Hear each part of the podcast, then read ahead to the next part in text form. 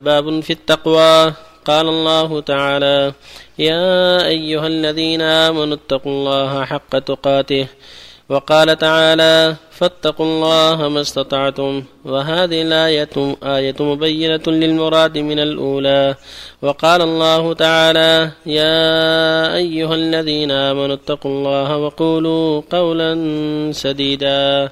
والآيات في الأمر بالتقوى كثيرة معلومة. وقال تعالى ومن يتق الله يجعل له مخرجا ويرزقه من حيث لا يحتسب وقال تعالى إن تتقوا الله يجعل لكم فرقانا ويكفر عنكم سيئاتكم ويغفر لكم والله ذو الفضل العظيم والآيات في الباب كثيرة معلومة. وأما الأحاديث فالأول عن أبي هريرة رضي الله عنه.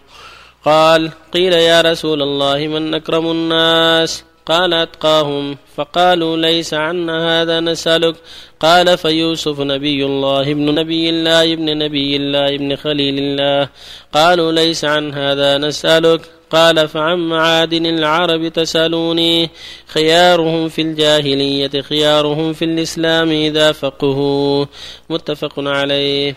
الثاني عن أبي سعيد الخدري رضي الله عنه عن النبي صلى الله عليه وسلم قال إن الدنيا حلوة خضرة وإن الله مستخلفكم فيها فينظر كيف تعملون فاتقوا الدنيا واتقوا النساء فإن أول فتنة بني إسرائيل كانت في النساء. رواه مسلم. بالله التوفيق بسم الله الرحمن الرحيم. الحمد لله. وصلى الله وسلم على رسول الله وعلى آله وأصحابه. أما بعد فهذه الآيات الكريمات والحديثان الشريفان كلها تتعلق بالتقوى. والتقوى هي دين الله هي الإسلام والهدى وهي عبادة الله بما شرع لعباده هذه هي التقوى. سمى الله دين التقوى لأنه يتقى به غضب الله وعقابه. فمن استقام على الدين وقاه الله العذاب والغضب. فلهذا سمى الله دين التقوى إن المتقين في جنات وعيون يا أيها الناس اتقوا ربكم. يا أيها الذين اتقوا الله حق تقاته ولا تموتن إلا وأنتم مسلمون. فاتقوا الله ما استطعتم. التقوى المأمور به هي طاعة الله ورسوله والاستقامة على دين الله حسب الطاقة. بين ثوابها سبحانه بقوله من يتق الله يجعل له مخرجا ويرزقه من حيث لا يحتسب. ومن يتق الله يجعل له من أمره يسرا.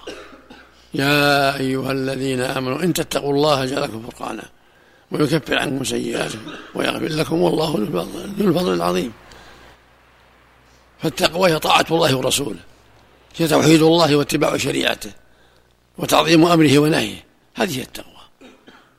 هي دين الله الذي بعث به رسله وأنزل به كتبه. هي الإسلام والهدى. هي البر. هي طاعة الله ورسوله. أي عبارة من هذه العبارات تستقيم على التقوى. هي عبادة الله التي خلق الناس لها وما خلقت الجن والإنس إلا ليعبدون.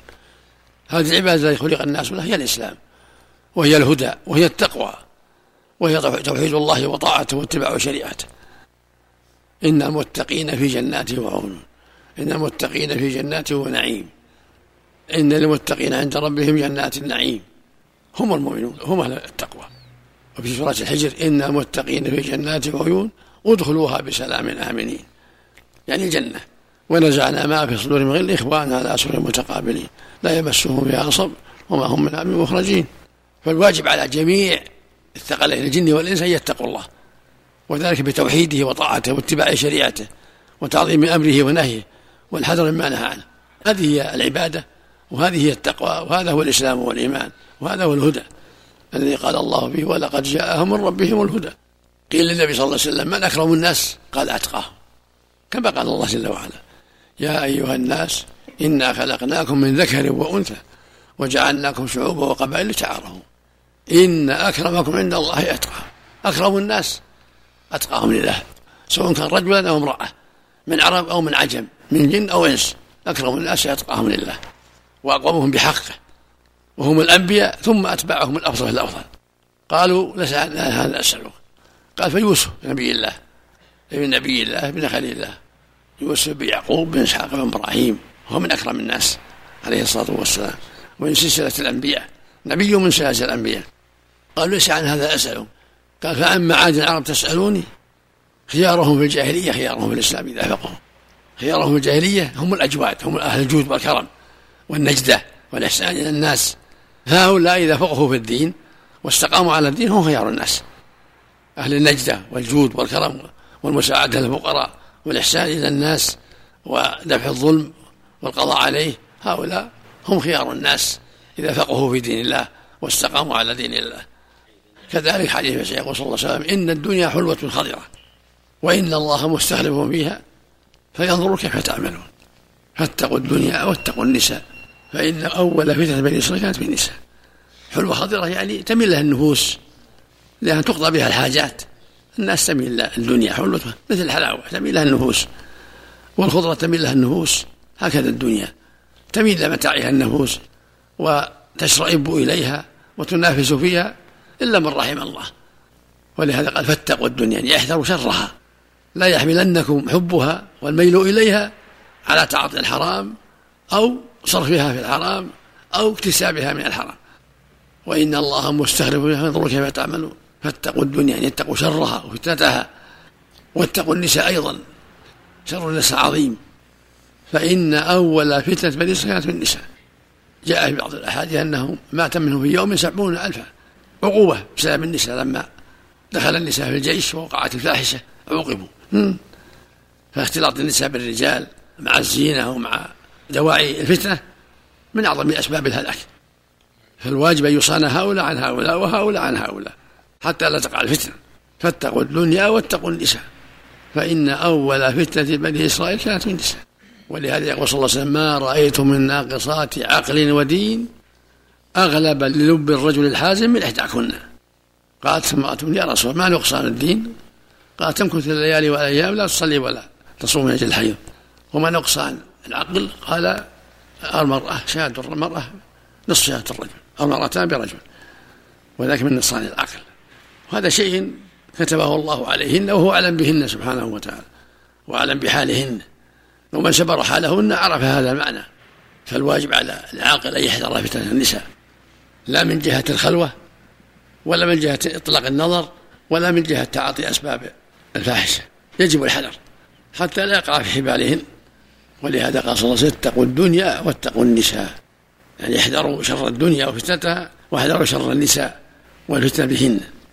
ومن أسباب ذلك إطلاق البصر والخلوة بالأجنبية والاختلاط بالنساء وغير المحارم كل هذا من أسباب الفتنة ومن أسباب الحفظ البعد عن ذلك غض البصر وعدم الخلوة وعدم الاختلاط بالنساء غير المحارم.